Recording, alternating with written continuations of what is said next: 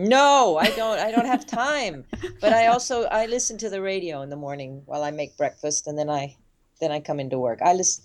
I, yeah, I don't. I, still am very old fashioned. I find watching television in the morning to be not the right thing to do. yeah, so. well, I spend more and more time listening podcasts. You have so mm-hmm. many. I mean, I, I found so many uh, great podcasts uh, in the US, and it's quite a thing in Slovenia as well.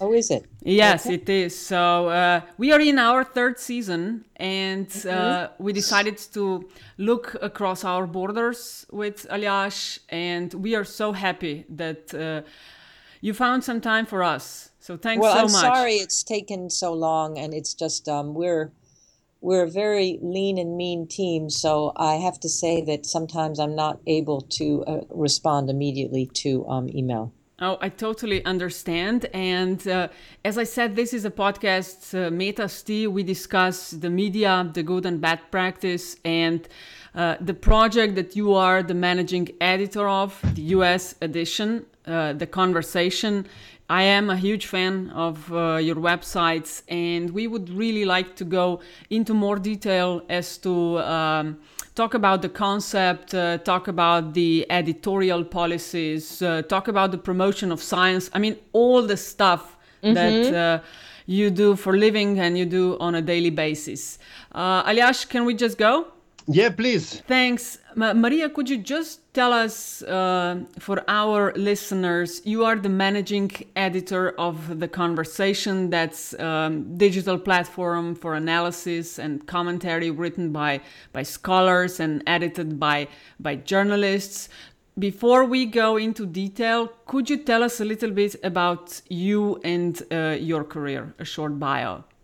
Okay, so my career, um, I although I'm now in the United States, I spent most of my career in the United Kingdom at the BBC, where I started out as a researcher and then became a producer. And the last 10 years, I was an editor um, and was running the um, team that made specialist uh, programming about um, international affairs for uh, the BBC's different radio networks. So I've spent my uh, most of my career uh, covering international relations, um, but specifically uh, not so much the news, but current affairs. So, looking to complement the daily coverage with original um, perspectives and um, in depth and contextual journalism. And I uh, I then, after these uh, 18 years at the BBC, I had a fellowship year um, at Harvard University, where I was um, having a bit of a break, but also looking around at how what I had been doing in the UK, particularly to think about the connections between domestic coverage and international coverage in a globalized world meet, um, and how could that be uh, sort of uh, transferred to American audiences. And I then um, had my own startup, a pilot startup called Latitude News, where we covered the uh, connections and parallels between um, issues and lives in America and the rest of the world, and developed what we came to call local global mashup journalism. Um, and uh, had a fantastic time doing that for a few years, but um, unfortunately, the uh, money ran out.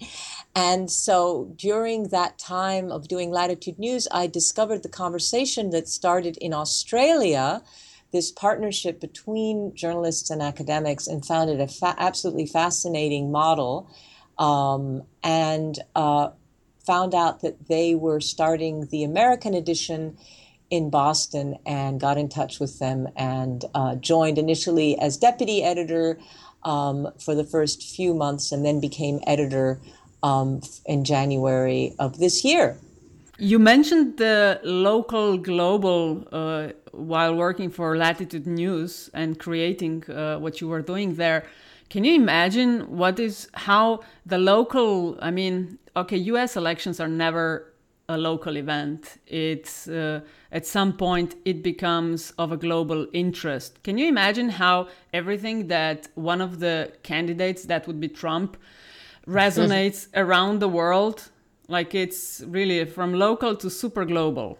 Uh, no question about it, and I, I um, it, uh, you know, the the technology just means that it resonates in ever in even more um, quarters than uh, it did previously, um, and uh, well, and he, he he knows that, and I mean, the big, uh, it's a big question as to how this could have longer term um, impact for you know for uh, the United States. How did you, at the conversation, decided to cover that? I mean, or to publish news or commentary or analysis related to uh, U.S. elections and particularly Trump? Well, U.S. elections um, is huge, and, and the question is, how do you uh, cover it in a way that's distinctive? Because the American media landscape is very crowded, um, as you know. So um, what we can bring to the table um, are people who uh, have expertise in a particular subject and have, you know, studied that subject for years, if not decades. And so the question is, you know, what what are we tapping into? So really, I mean, in terms of the elections, we're just putting our plan together, but you know, we have we we want to do a lot. It, we we're not about covering what's called here the horse race. I mean, yes, who's up, yeah. who's down. That's not what we're going to do, but. But what we can do is, you know, give context. We can give context about the science of um, opinion polls at the moment and how opinion polls are actually, uh, you know, the actual um, uh, operation of opinion polls now is problematic uh, because they were all based on stationary phones, and of course that's a very yeah it's very different today. So so that's for example, I mean scholars who can look at that. In terms of someone like Donald Trump, I mean we're going to be having uh, and what he's saying and the rhetoric that he's using. We want we have somebody who is a specialist um, on um, political rhetoric who's going to be contributing contributing an article for tomorrow that will be comparing him with other um, sort of extremist uh, uh, politicians in the United States in the past. Um, and how his rhetoric, uh, you know, the similarities and the differences. Um, we're looking for, we're, we're in the process of looking for historians who can write about um, he, because he, he himself, Trump, mentioned um, the internment of Japanese Americans um, during the Second World War, uh, uh, who can write about what happened during that internment, how and and the long term um, impact of that um, on uh, both obviously the people who are interned, but also sort of the the social fabric in the United States. We're looking at the history of populism. Um, you know, I could go on. I mean, I think a lot of what a lot of what we can do with elections in particular are historical is, is, is historical context um, but we're also you know we have um, a number of scholars who can talk about uh, attitudes towards muslims in the media for example. Yeah there are um, so many topics uh, yeah so you can you can see. I mean I, I think that it's it's you know it's a question of just um, uh, reaching out and finding the um, scholars who have um, you know relevant research to share with uh, the general public and you know to get them excited about um, contributing a, an article that would be not just for their academic peers but also for um, you know readers um, it, it, you know quote unquote ordinary readers. Yeah, yeah, yeah. yeah. Uh, Maria, uh, sorry to interrupt. Uh, while we're on subject, um, in your opinion, does the Ameri- uh, or at least American presidential races do they get less and less scientific each election cycle? I mean, uh, it appears from the outside perspective that, uh, and granted, we don't get all the nuances that you get stateside. Um, that uh, more and more uh, aspiring politicians, maybe not just are not just running for president, but for low, lower offices as well, are saying things or maybe even making campaign issues out of stuff that are uh, clearly uh, um, not defensible from a say scientific point of view. I'm not just saying anti-vaxxers. Uh, although Bobby Jindal, I think, um, made a huge splash about that. You know, stuff like yeah, th- that could be uh, defended or not defended uh, from a scientific point of view. When you say scientific, do you, do you mean um, sort of based on uh, based on science? Yes. um, I, I, don't think this is the first time we've had um, public debates like this in American history, and that's one of the reasons why we're quite keen to work with some historians to look at um, previous examples of this. But I think that there is a mood in the moment um, at, in the country that, for example, you know, journalists are not well regarded. Mm. Um, oh yes, um, mildly put. Yeah. So so the uh, so the whole and we and that's a whole discussion to be had in and of itself. But uh, you know, the fact it, facts are. Um, people, a number of candidates are just simply ignoring facts and um, and they sometimes are called on it by um, journalists or by their opponents, but they sometimes are not. And you know, very often these are facts that are difficult facts and they're nuanced facts, and they, you know, they're they're they're people in the in the electorate who just don't want to have to deal with those facts. So um, yeah, I I, I, I, it's, you know, I think that one of the things that's interesting to look at is to what extent um, are the fact, there are a number of now fact checking um, uh, um, organizations in the United States that are, you know, um, holding politicians to account and checking what they say and holding pundits to account and checking what they say. And has the volume gone up i mean i can't say absolutely as a as an observer you have one has the sense that it has but i think that maybe there have been times in the past as well where um, you know the facts have not been, have been few on the, the, the political discourse hasn't been sort of chock of chock full of facts. Th- that's why your job i think is uh, and the project as the conversation is is that more important. Uh, it's quite amazing how successful it is. You mentioned it started in Australia, which was in four years ago, in 2011, if I'm not uh, mistaken. And then uh, th- everything added also the UK edition in 2013, and then the US edition in 2014. And now I see you have added Africa and France as well. That's right. So, uh, congrats for that. So, this is the conversation is a global news website, and you sort of merge journalists and academics to get a more informed news analysis. You talk about the new kind of journalism. What do you mean by that? Well, I think maybe the thing to do is to give you a little bit of background of the how the conversation came to be because I think that informs yes, what it is that we how we do things. So it, as you said, um, Natasha, started in 2011 in Australia.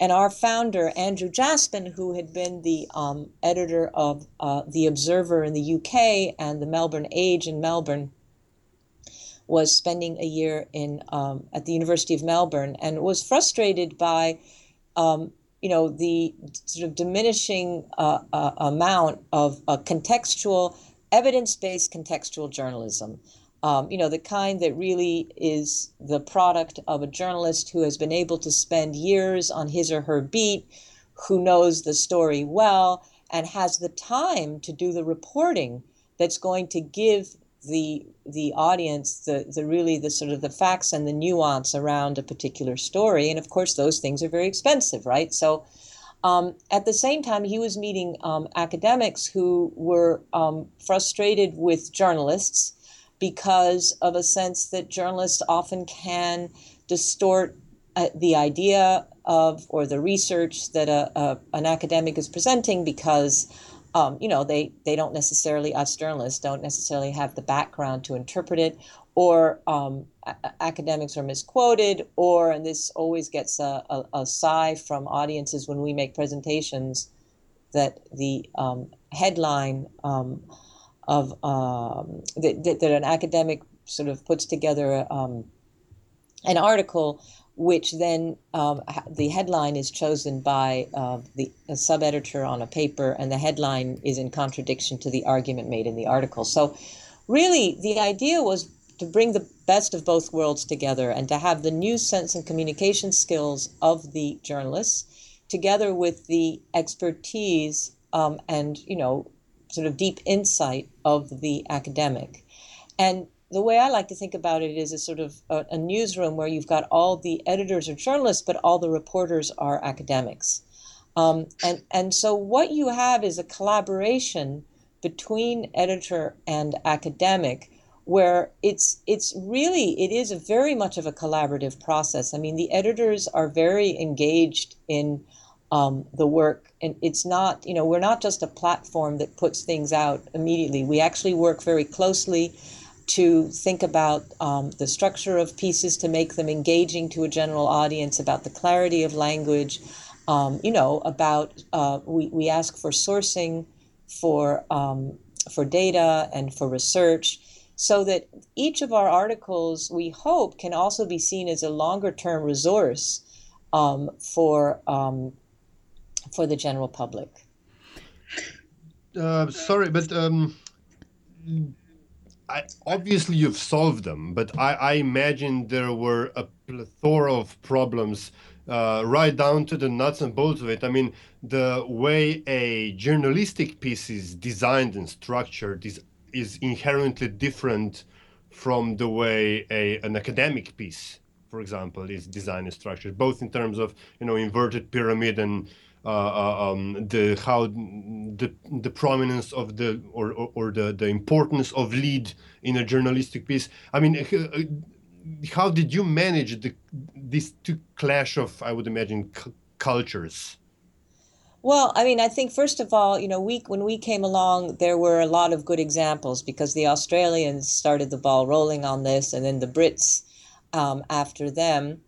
I think that um, what I found really um, very encouraging is that so many, you know, our contributors are interested in engaging with the general public. So they obviously are going to come with a mindset that it's very, that's open to doing um, to to to to doing something new.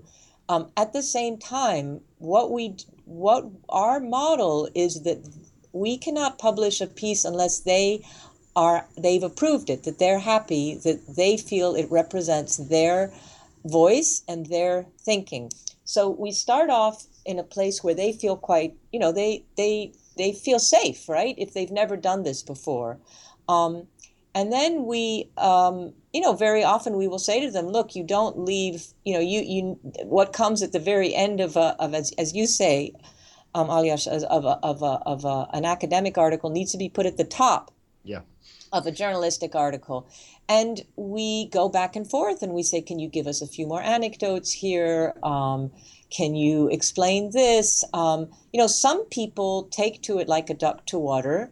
Other people uh, find it a little bit more challenging, but you know, but but actually enjoy it. And one of the things that we found really um, heartening is how much fan mail we have from our um, contributors as to their um, it, having enjoyed the process of editing and um, really, really, they they know that we're in their corner. We're not about imposing a voice on them. We're about help you know really helping them get their voice out and so you know it, it really runs the gamut in terms of the difficulty of, of, of editing and who decides like who what kind of stories will you cover do you wait for academics to uh, pitch a story to you or is it a journalist an editor that approaches the academic would you write this and that and how does that uh, process work?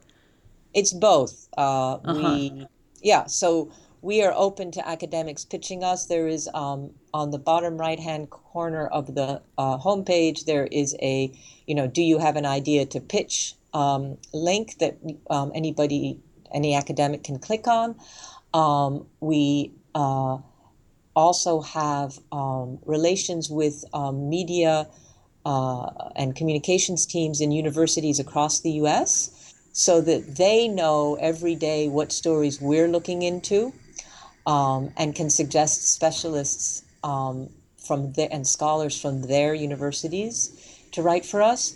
And then, of course, we do what every journalist does, which is we do research um, into, um, uh, you know, a, a given, a, finding a, a, scholar who is a specialist on, let's say, the history of Japanese American internment and getting in touch with them directly. Mm-hmm. Is the conversation on WordPress platform or? No, it's a proprietary uh, platform um, that is very uh, user friendly um, and uh, it's Ruby on Rails. It's it's based on. Uh, so they add it, it's not i imagine it's not that they go back and forth with attached documents uh, uh, on their email exchanges uh, do they do it like real time uh, already in the system and suggesting you know maybe you can add anecdote here uh, where did you get this number from and stuff like that that's right. It's ah, it's okay. it's a system where you can be any number of people can be in the system at the same time and be editing the piece. Um, and basically, we talk to our authors, um, as it were, in the piece with asking for more detail or clarification or a source or you know whatever. Yeah, and the site is called the conversation. Then how do you have this conversation with readers? Well, um, you know, we are developing that. Where obviously we have the conversation through social media. We we uh, you know um, are present on, on, on Twitter and Facebook. We have um, we have we encourage our readers to make comments and um, our our actually the the our commentators to the site tend to be you know very um, respectful. We have community guidelines so that if somebody does transgress these um, our our um, our, our yeah the rules i we, read them yeah. yeah yeah do you have any so, troubles and very few i would say okay. that compared to if you compare it to a lot of other um, uh, news websites actually the um, the the tenor and the the content of the comments on the conversation is pretty is pretty high level. Um, we also sometimes do, um, you know, off the back of an article, we'll do a, a we'll get the author online and, and have him or her um, converse in real time with um, the with with with readers um, through the comment uh, function. But we're looking, obviously, we're looking to do more in that area, and uh-huh. you know, are are um, hoping that 2016 will be a year where we we develop more things there.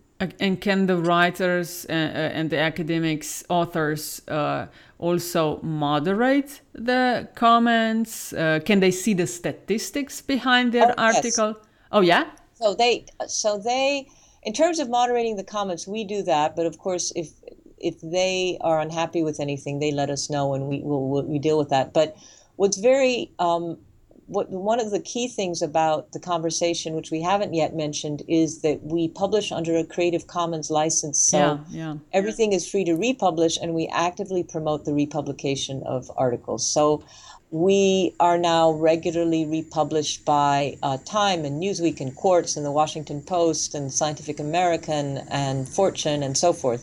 So any author, every so every author has a dashboard where he or she can track in real time uh, where how many readers are reading the article on site, where the site is republished, uh, where the article is republished, how many people have read the article in each of the places where the article has been republished, how many tweets have been about the article, how many Facebook posts, all the comments on the site, and where the breakdown of um, readers is per by country, um, but readers to the site. Oh wow, that's quite detailed. Yeah, it's fantastic. I, I was wow. going to ask you about that, especially the Creative Commons license and the fact that you claim on your website that you will never, ever, ever go behind a paywall.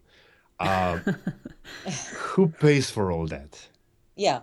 So who pays for all that? Um, in the United States, we are uh, our our first year and first few years has been um, uh, funded by foundations, and you can see them on the site. Um, the Sloan Foundation, Gates, Hewlett, uh, Howard Hughes Medical Institute, um, Gordon and Betty Moore, um, Robert Wood Johnson, and we just got a, a new grant in from the Knight Foundation to promote the dissemination of our content to local and regional media in the United States. We are also beginning now to do what the UK and Australia do, which is they also um, have partnerships with universities that are members. And so part of the um, uh, um, you know, one one source of revenue is coming from an annual membership from universities. And what do universities when they pay you?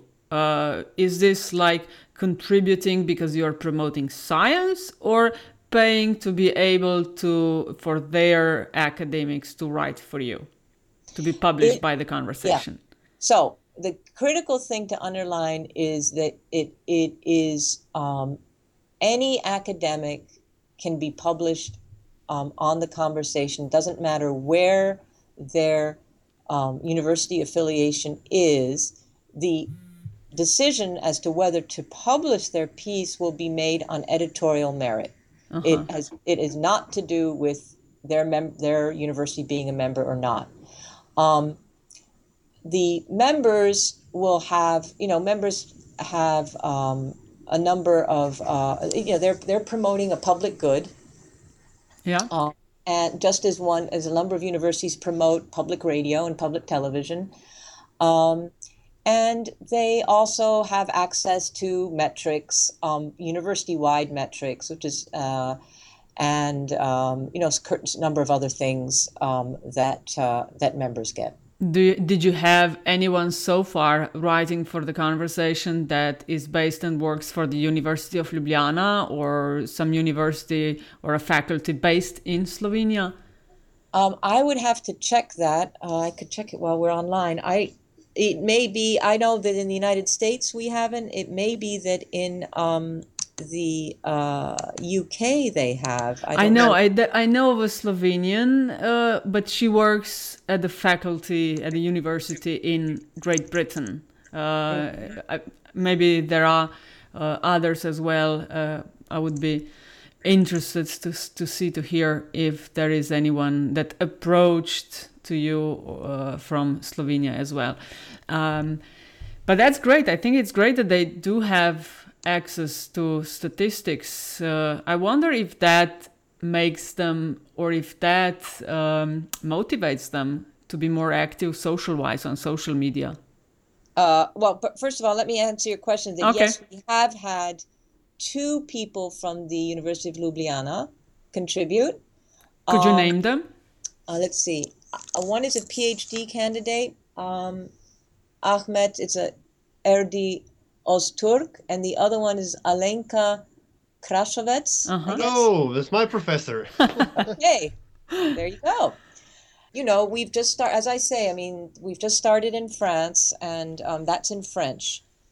Um, so there are going to be, you know, the there there are possibilities of now of other um, conversations in other languages besides English. Um, I think universities, certainly in the United States, are increasingly interested in um, public engagement and see the value in that.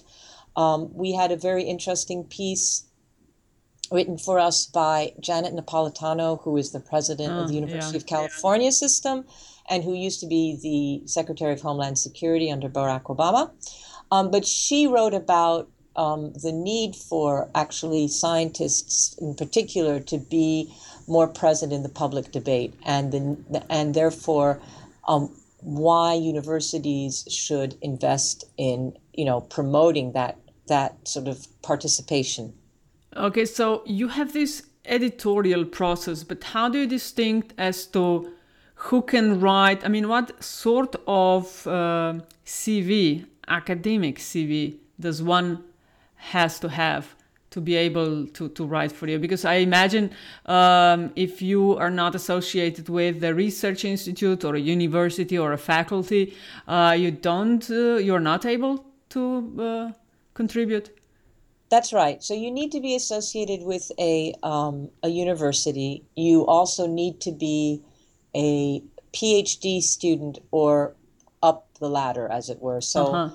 master's students can write for us, but but as co-authors, they wouldn't be a lead author because we feel that it's important that the author has, um, you know, a, a certain amount of uh, research under their belt before they write for us. Uh, does being able to see the statistics make scientists more eager and motivated to share or to be more active on social media to promote their uh, their piece, their article? I mean, I, I you know, I can't tell you uh, hand on heart that I've seen a causal connection between Okay.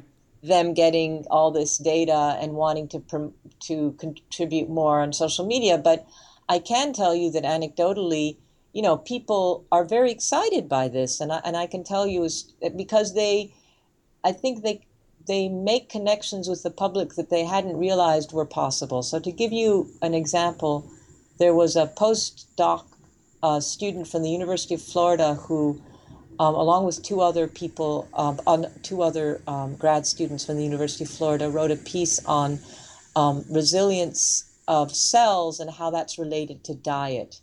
And his piece was picked up by another number of republishers. It got wide coverage, over over 220,000 reads. And one of the people who read it was a farmer who follows the diet that they were describing. and so this researcher is now in touch with this farmer. And, you know, what an amazing connection to make, right? Yeah, that's yeah. not what you would generally think of. Um, either when you're doing your research in the lab or when you're um, uh, contributing to a publication like the conversation. I mean, the other thing that happens is very often that other academics are quite interested, and I, we know of a number of um, academic connections that have been, been made between disciplines, across disciplines. Uh, how do you deal with jargon in text? I mean, one of the problems Natasha and I keep having in, in these podcasts is uh, then we, when we start talking shop with other uh, people in the media world, we suddenly you know find ourselves using technical terms that seem logical and self-explanatory to us, and then realize that wait a minute, maybe not everybody's in on it. So. Um, I would imagine that in your line of work, this problem is even bigger or, or I mean harder not to crack. Yeah, no, you're absolutely right. Jargon is, you know, every, you know, we do it in the media all the time, right? We have our own jargon. Every profession has its own jargon. So, you know, that's up to the editor to really um, to pick up on and ask for explanation. And because our system is such, our editorial process is that two editors look at every piece. So you have your, so let's say you're um, a biologist, the science and technology editor will be your main editor. But then another, one of the senior editors will be, as it were, the first reader of the the the the, the, the sort of the first edit and so the senior editor is also there to because he there there are two of us and we because we're coming to it fresh we often will you know if there are any remain if there's any remaining jargon we'll we can pick up on that How many people did you say work uh, for the conversation, the US edition? it's nine editors and then we have two people working on audience engagement social media and promotion to um, other media and then we have an operations manager and then we have an executive director who is look you know um, taking care of relationships with universities Okay, so around uh, 15 people. So yeah no it's well it's right now it's about 13 people it's going to be going up again yeah And how many uh, universities and academics do you so far have uh, in your register if uh, you have that information? I do. So we're very proud of the fact that we have worked with over 300 universities.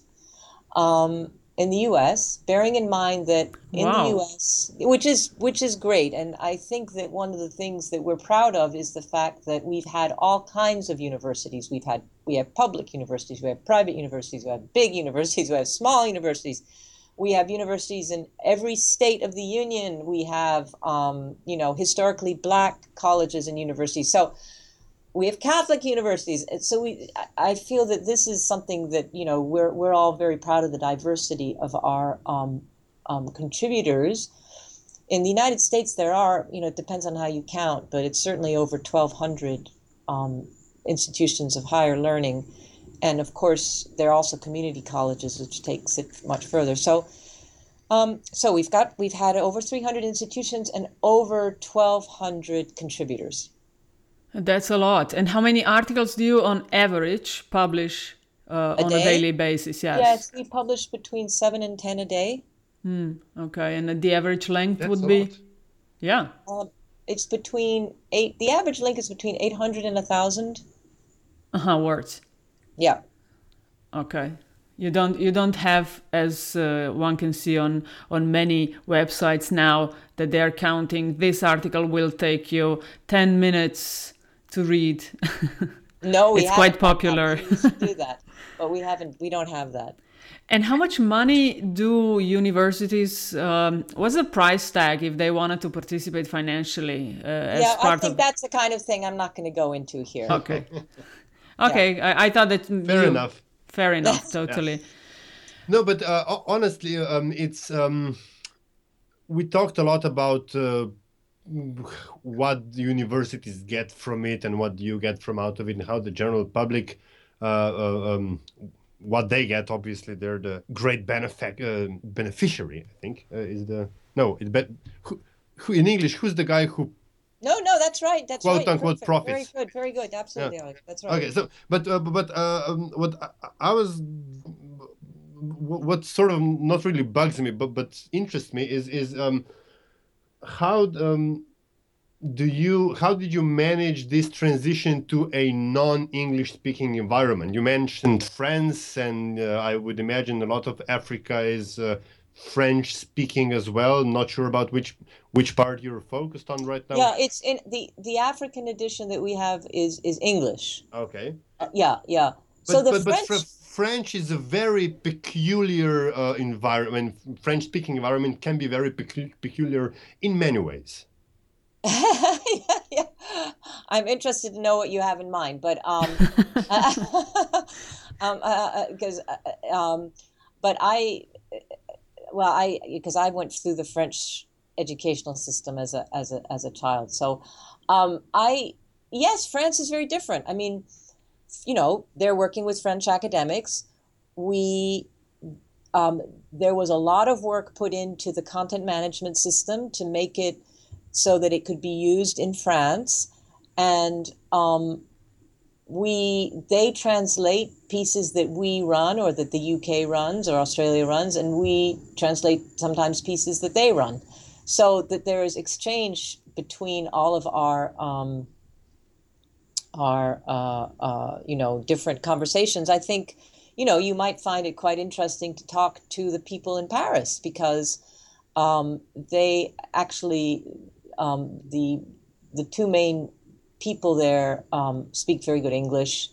Um, one was from the Monde, the other's from Libération, um, and I, I think that particularly since you're, I, I mean, I don't know. This is obviously your it's your show, but I think that you know, speaking to them, speaking to my counterpart in the UK, um, would be very interesting because we all have slightly different approaches because our university landscapes are different and our media landscapes are different. So we have the core values and the charter are absolutely the same and we share the technology and we work together and we're very it's a very collaborative organization but at the same time you know obviously we reflect um, the countries that we are in You mentioned the different landscapes. Uh, what comes to my mind is that when I talk to academics that come from the mostly Anglo Saxon world, uh, they are well aware of what you mentioned a little bit before what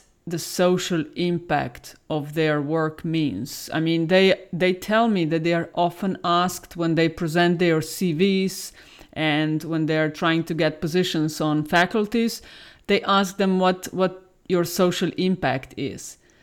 I would wish that uh, would be more the case also in in Slovenia because I can imagine that if uh, it takes time to write an article in if I am not mistaken, you do not pay them, right? That's right, we do not. Yeah, so there is uh, obviously this trying to promote the science, trying to get the message around about what one does, but also um, they get these signals from the environment that it is important for them to communicate what they yes. do. Yes, and I think that's you know that's a work in progress. I think you know, again, I think um, I don't know what the setup is in Slovenia. I'm assuming mostly it's state funded. Um, I know that, for example, in the UK now, um, that there is uh, more of an emphasis on the need to engage with the public on research, and that's part of, um, you know, when when you're asking for money for um, uh, a grant to do research, that you know this is part of the of what you need to think about when you make the proposal. This is that's the case with the National Science Foundation now in the United States. So it's it's beginning to be part of um, what academics need to think about. Yeah, which yeah. traditionally, you know, traditionally to be fair, it was not. No, mean- totally not. I mean, they, they, they were what they write about. They, it was intended. Uh, the, the audience was their peers. That's, That's who right. who they were there to impress. I mean, Mhm. now it's and you uh, know and you you know and there's some people who say it's a distraction and you know there's Yeah. still i think there's quite a lot of i mean i've been to conferences where this is talked about and there's still people who feel that it needs to be you know one needs to be well, that, that, that there are there may be uh, there may be downsides to public engagement i mean you know there's yeah, I there- hear that too sometimes. Yeah. Unfortunately, So um, I, I think it's an ongoing discussion, and I think it. But the discussion is obviously probably, you know, most advanced here, partly because I would have thought the diversity, in a sense, the diversity of funding and the the the pressure that universities are under, therefore, and. Uh, but my understanding is that this is a discussion that's very much alive in the UK as well. I, I I don't know, and I mean in France it's funny because you know, uh, you have a tradition of the public intellectual, which you don't have necessarily in the Anglo-Saxon world. So you've got it's a slightly different situation. it is. It is. That's what I meant ab- with the peculiar peculiar environment. The, di- the di- Mm-hmm. different attitude. Well, yeah. L- l- l- let's say I'm looking for a graceful way out of that conundrum. no, uh, but uh, um, what when say a scientist? Uh, okay, uh, the the big climate summit is going on in Paris right now, and obviously a plethora of medium produced an even larger plethora of articles that are more or less scientific on the issue. But for example, when a, a scientist or a team of scientists uh, says that they are pretty confident that blah blah blah, and your average layman term would mean we're bloody sure. However, uh, if we're, in- for example, cl- climate deniers would, say, "Ha, but they're not hundred percent sure." Uh, how how would you? Um, I, I- I mean, is, is, is that a problem for you? We, we talked about jargon a little bit, but there's also this grading of of um, uh, what's the English word of, of, of being sure of your results. The wording is different. So I, you, I, I, the the the uh, connection dropped out for for about a Oh, minute. I'm sorry. Sorry, I'll That's try okay. to repeat myself. Uh, um, oftentimes, we find that uh, the academics will write that they're pretty confident of the results, which basically translates into we're totally sure, but for reasons of statistics, they cannot put that in those particular words. But uh, for example, if something like this happens uh, during a climate debate, like I guess it does now in Paris, uh, like climate deniers would say that, ha, but this, uh, the scientists are not 100 percent sure. How, um, how do you deal with these different uh, gradations of, of, of wording or, or mm, stuff. Uh, I mean, stuff like that. It's it's just you know not just the jargon, even even the the the um, vocabulary is different. No, that's a really good question because it is something you know scientists because of their training they're they're they don't want to ha- have put things in certainties the way we journalists would like them to mm. right and that's one of the reasons why this um, our system whereby they have to approve of the piece before it's published you know that's particularly important in that in this particular case right? So um, i think we deal with it on a case by case basis. Sometimes um, you know we'll say well can you not put it in a more definitive way? Um, and sometimes they're happy to do that. Sometimes they're not happy to do that. And we you know we figure out a form of words that um, is understandable and clear to the lay reader but at the same time satisfies the scientist that we're not saying it's 100% sure.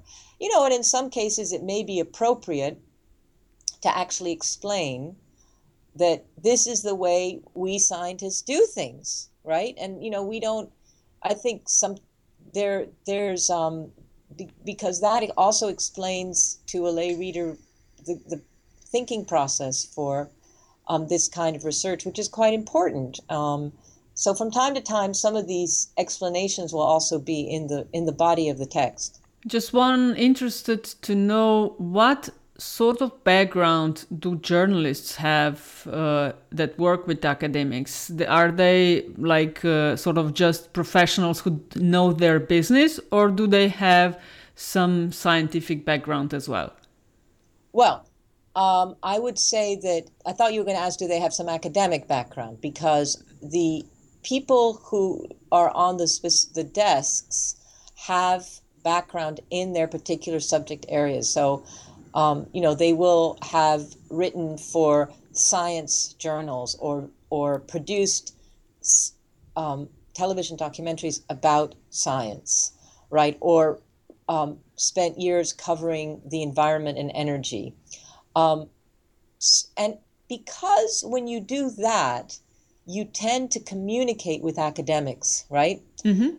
Uh, so they all, most people who come on board have um, a, you know a, a degree of familiarity with academics, and usually they come on board with a whole you know list of people that they can call on to start contributing. Oh, which is very helpful, I imagine. Very helpful. Yeah, very yeah, helpful. Yeah. Mm-hmm. Uh, Leash, you wanted to add something, or can we move? slowly. No, no, I'm, I'm huh? out of questions, so I'm interested in the in the last section. Ah, an intro, Maria, to to the last last question. But how does a bagel come into all that? You wrote a book about bagels. Okay, well, funnily enough, I, that was that's my uh, fact at the end. I wrote a book about bagels because, um, for well, it started out for personal reasons because my part of my family is both Polish and Jewish. Um, and I uh, lived in Poland, and I, when I was a student, I discovered this bread that looked very much like a bagel, and it was called a bajgiel or obwarzanek, and I thought, ha, you know, well, what's the connection here? And of course, there's a big connection, and I started to unravel the history and thought that through food, um, it, food gives us gives one an, a wonderful, I think, um, perspective on human history because it's about the everyday. It's not about the policy and the kings and the queens, right? It's um, although kings and queens come into it actually in the bagels case, but um, it's it allows you to get actually at relations between people and particularly, you know, I found that it was it gave a different perspective on the Polish Jewish relationship, which, as you know, is a very complex one and difficult one. Um, but it also gave a wonderful perspective on the Jewish American experience, um, and then the sort of the beginnings, the sort of the the the history of um, of food in the United States. So I started in a sort of very small way, and then it just sort of took on more and more momentum as I delved into different aspects of the bagel's history. Um, and so, How do you like know, them it's- the most? it's it's sort of crazy. It's this little bread, which um, is is I know as I the title of my book is the surprising history of a modest bread because it really doesn't claim to be as fancy as a croissant or it's it's somehow it's a very I, there's something very um, sort of humorous and endearing about a bagel and um, and yet through it one can really tell a lot of really interesting stories. We will add a link uh, to your book. But how Oh, do you, you. how, how do you like them the most? My preferred choice would be cream cheese and salmon. Yes, I uh, actually I just like cream cheese. Um, I'm a very I'm a bit of a purist. I mean, you know, in the United States they've added all kinds of things I to know. bagels. They really have gone crazy with bagels, but I should inform you that I make bagels to die for. really Oh, Yes, Oh, I, I, I made I made them a project of mine last winter, and um, well, even if I do say so myself, they were quite popular with my immediate surroundings. Okay, Oh, next boy, time I. because I would love to taste them because um, I tried. I I have to say I made a few, and my my husband thought they looked that like something out of a sort of cartoon for sort of prehistoric man. So um, it was wasn't very successful. Um, but I'd be interested to know what what what if there is a a, a sort of precursor in Slovenia because you know there's so many boiled and baked ring shaped breads from Europe, but just it is the fact that none of them had the the sort of the success of the bagel. I don't think I, I don't think anything similar. I mean, not nothing comes to mind at least. But we, No. we, we should not check even it, Asha. donuts. Not We even should check it. donuts uh, aren't as they look in in No, the no, no. U.S. Uh, was that uh, Maria? Uh, what you wanted to add at uh, for the last question? That is the same for all of our guests, uh, which is tell us something we don't know. I yes, mean, well, I was just going to say that um, that that it is about the bagel, and it's the fact that the first written reference to the bagel is in 1610 in Krakow in Poland, and it's um, in a regulation of the Jewish elders, um, basically regulating how the bagel is to be consumed um, during the um, celebration of the birth of a male child. So it underlines the value that the bagel then had. Um, you know, it was not then an ordinary bread, it was a very special bread. As Hmm. it should be. As it should be. Yeah. Thanks for sharing that with us. And Aljaž, you can make a, a piece or uh some some bagels by next uh, by the time that we will publish the episode. huh? I will make some bagels for you. Please, and uh, don't forget to take a photo. No. no. Send me a photo. I'd love to see Okay. them. Oh. Uh, that would be it, uh, Maria. Thanks so much for joining us Okay, for the Natasha Aljaž, very nice to meet you, and thank you for your very um, thoughtful and you know spot on questions. Now, Well, would you be so thank you for taking the time and uh, especially for making the conversation. absolutely? Could you uh, would you be so nice and share your um, where can people find you online? You have a Uh, Twitter. yes, of course. It's uh, it's www.theconversation.com. Okay, and your Twitter handle. Is at us underscore conversation. Oh, okay. You don't have a personal uh, Twitter account. Oh, my yes, my personal Twitter handle is at Maria Balinska. One word. Okay, thanks. And you can find Aljaž at Pangowski and me at DC43. Uh, thanks so much, Maria. It was great to speak with you, and thanks so much for your interest. Bye. Bye bye. Bye bye.